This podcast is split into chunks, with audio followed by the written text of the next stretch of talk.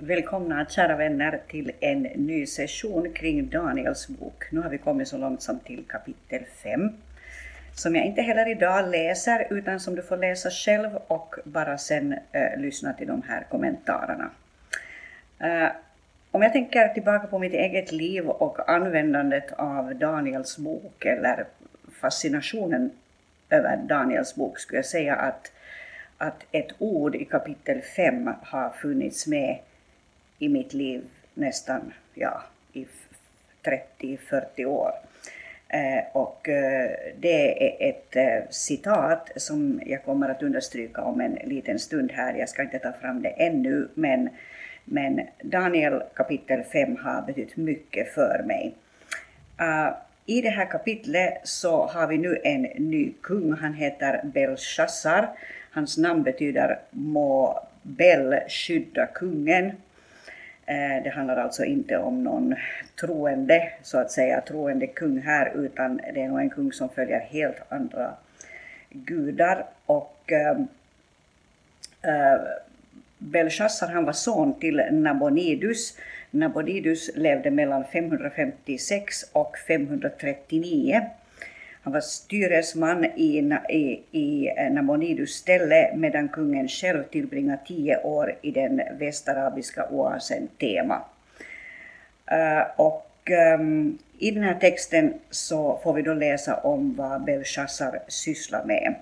Uh, det börjar uh, med, med den, um, vad ska vi säga, um, informationen att han ordnar en stor festmåltid för eh, sina tusen stormän och han drack vin tillsammans med dem.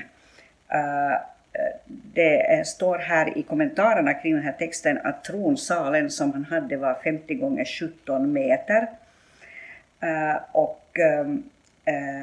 där samlas han då med sina stormän och dricker vin tillsammans med dem. När han sen är påverkad av vinet så befaller man att man skulle bära in de heliga kärlen från templet i Jerusalem, som man alltså hade tagit med sig när man eh, började föra folket från Jerusalem till, eh, till eh, Babylon.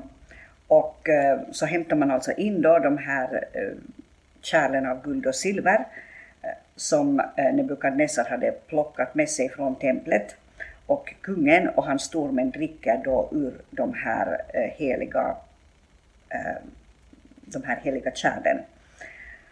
Och, eh, och de prisar också, står det i vers 4, de prisar sina gudar av guld och silver, koppar, järn, trä och sten. Så de har en riktig sån här ogudaktig orgie på gång kunde vi säga. Och så händer någonting. I samma stund, vers 5, i samma stund visar sig fingrar som av en människohand som skrev på den vitkalkade väggen mitt emot den stora ljusstaken i kungens palats. Och kungen såg handen som skrev. Eh, så han ser vad som hände. Det här är ingen liksom sån här upphittad upplevelse som han har eller i fyllan och villan, utan det här är någonting som verkligen är super tydligt och verkligt. Det står att kungen bleknar i vers 6. Han fylls av oroliga tankar, han blir alldeles knäsvag och benen viker sig på honom. Det här är inte mina ord utan det här är rakt från kapitel 5, vers 6. Och det står att kungen ropar med hög röst och befaller att man skulle hämta besvärjarna, kaldéerna och stjärntydarna. Eh, han säger till alla de så kallade visa i Babel, den som kan läsa den här skriften som är på väggen här och eh, ge mig uttydningen ska bli klädd i purpur, få en guldkedja runt halsen och styra som den tredje i riket. Han kan inte ge någon högre position enligt kommentarerna än att få bli den tredje i riket eftersom han själv är, är kungens son och kungen är sedan tio år tillbaka, eller eh, tillbringar sina tio år på den västarabiska oasen Tema.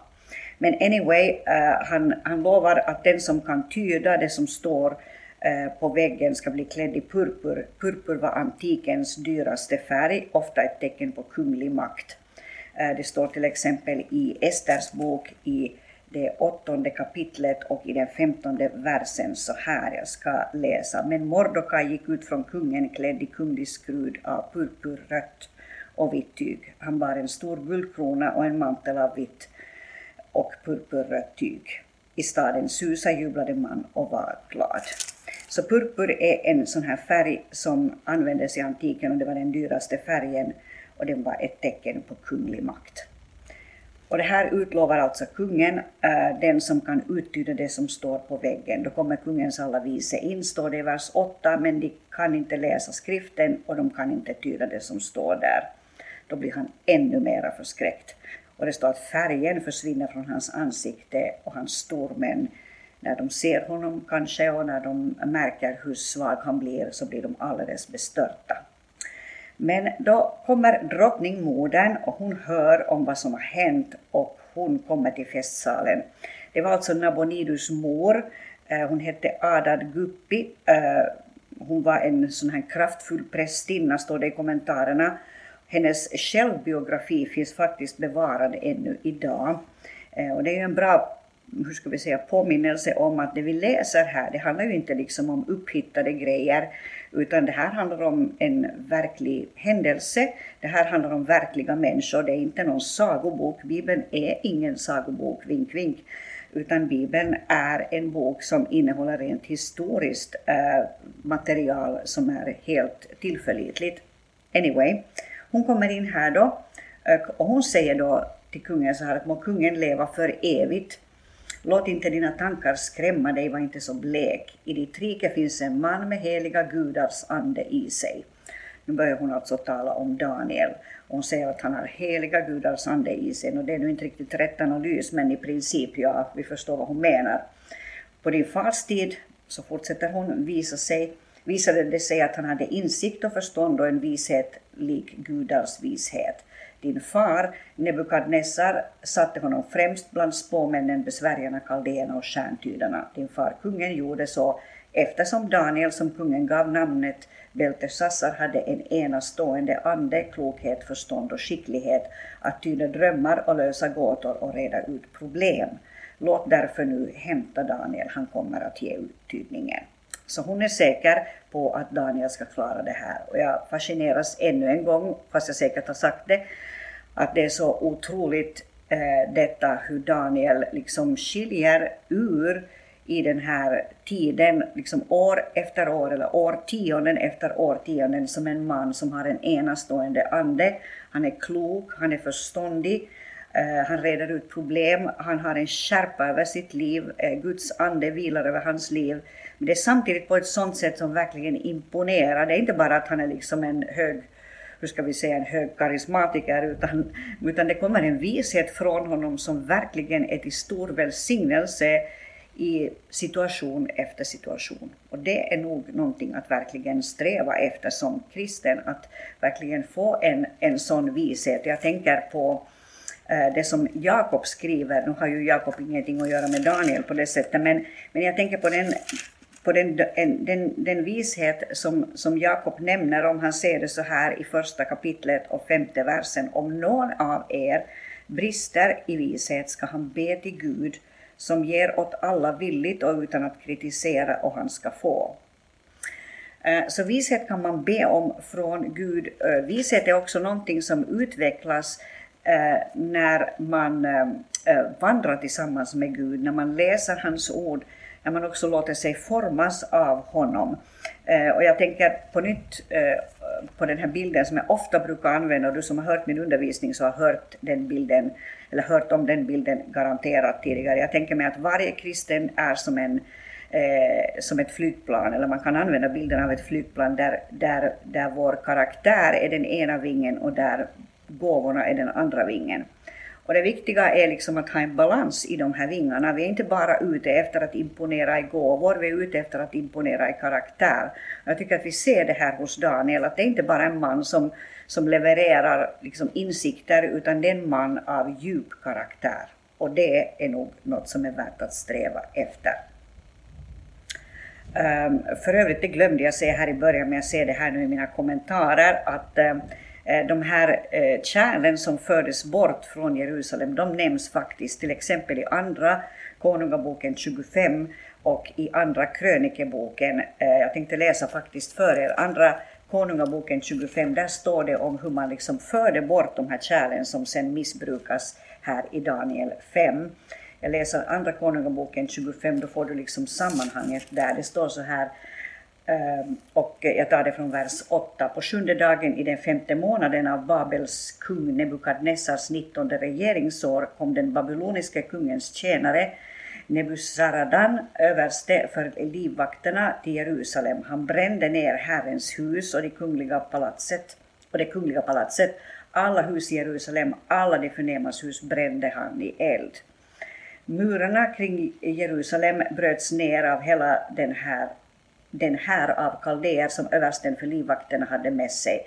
Resten av folket, de som var kvar i staden och överlöparna som gått över till Babels kung, liksom den övriga hopen förde Nebuzaradan, översten för livvakterna, bort i fångenskap. Men av de fattigaste i landet lämnade översten för livvakterna kvar några att sköta vingårdarna och åkrarna. Kopparpelarna i Herrens hus, tvättställen och kopparhavet i Herrens hus slog kaldéerna sönder och förde kopparn till Babel. Och askkärlen, skovlarna, knivarna, skålarna och alla kopparkärl som hade använts vid gudstjänsten tog de med sig. Likaså tog översten för livvakterna fyrfaten och offerskålarna, allt som var av rent guld eller av rent silver. Så allt det här bär de med sig. Det här kan du också läsa om i i Andra krönikeboken det står så här att alla kärl i Guds hus, både stora och små, och skatterna i Herrens hus, liksom de skatter som tillhörde kungen och hans förnämsta män, allt fördes till Babel. Eh, och eh, det här var ju en stor sorg för Guds folk förstås och det var ett missbrukande av Herrens kärl och nu ser vi då vad som blev konsekvensen av det. Då förs alltså Daniel till eh, kungen och kungen tar emot honom och säger så här att är du Daniel, en av de judiska fångarna som min far kungen förde hit till Juda?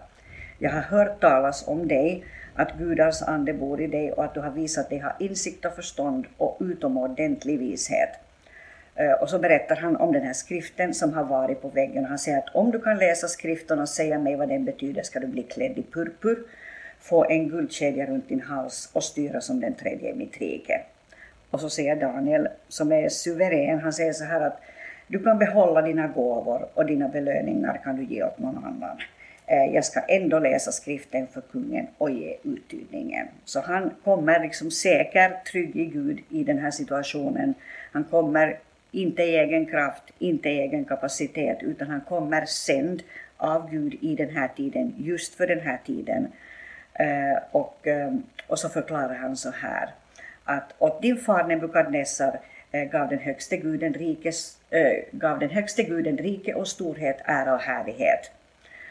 Äh, och så berättar han att när din fars hjärta förhävde sig och hans ande blev stolt och övermodig, då störtades han från sin kungatron och blev fråntagen sin ära. Det var det här vi läste om i förra kapitlet. Han blev utstött från människor, hans hjärta blev som ett ljus. Han måste bo bland vildåsnor och äta gräs som en oxe ända tills han insåg att Gud den högste råder över människors riken och upphöjer vem han vill till att härska över dem. Jag hoppar över några ord där helt on purpose därför att jag ville, ville ta med de viktigaste bitarna här. Så han, eh, Daniel berättar alltså här om vad som hände med eh, eh Belsassars eh, far om hur han liksom förlorade förståndet och i de här sju åren, om det då handlar om sju år eller sju månader, han var helt borta Eh, och, eh, och liksom, eh, slutklämmen på det här var ändå att han insåg att Gud den högste råder över människors riken. Och det är poängen här, att Daniel vill få fram att din pappa, och Belsassar, din pappa, han förstod att Gud den högste råder över människosviken. Men så säger han, men du Belsassar, vers 22, har ändå inte ödmjukat ditt hjärta trots att du visste allt det här. Så det här är ingen ny information som Daniel ger, det är bara en upprepning av vad som har hänt. Du upphöjde dig mot himlens Herre, du lät hämta eh, kärlen från hans hus inför dig. Du och dina stormän, dina hustrur och bihustru drack vin ur dem och samtidigt prisade du dina gudar av silver och guld, koppar, järn, trä och sten och så vidare. Och därför har det här hänt. Därför kom den här texten på väggen, säger Daniel. Så lyder skriften som är tecknad här. Mene, mene, tekil och farsin. Här är vad orden betyder, säger Daniel. Ehm, eh, mene, Gud har räknat ditt rikes dagar och gjort slut på det. Tekel, du är vägd på en våg och funnen för lätt. Peres, ditt rike är delat och gett åt Meder och Persier. Och eh, när Belsassar har hört det här så står det att han klär Daniel i purpur, eller han ger befallningen att man ska klä honom i purpur, hänga den här gyllene kedjan om hans hals och utropa honom till den tredje i riket. Samma natt så dör han, kaldéernas kung alltså, och Darejaves tar emot riket när han är 62 år. Den här texten, eh, Mene, Mene, Tekel och Farsin betyder då alltså du är vägd på en våg och du är befunnen för lätt. Och eh, det är nog ett angeläget ord. Du är vägd på en våg men du är befunnen för lätt. Underförstått, äh, du, du har äh, kanske skenet eller äh, det kanske ser ut som om du skulle vara på rätt väg men du är befunnen för lätt. Det, det, det, liksom, det finns inte det i ditt liv Eh, som, som Herren är ute efter att söka. Och problemet med denne Belsassar var ju att han liksom hade ingen som helst respekt för Gud. Han satt och drack eh, ur de här heliga kärlen. Eh, han hade kanske bilden av sig själv högst antagligen att han var den som regerade. Han var o, eh, hur ska vi säga, oersättlig. Han var den som satt på sin tron och eh, som alla eh, följde i blind lydnad.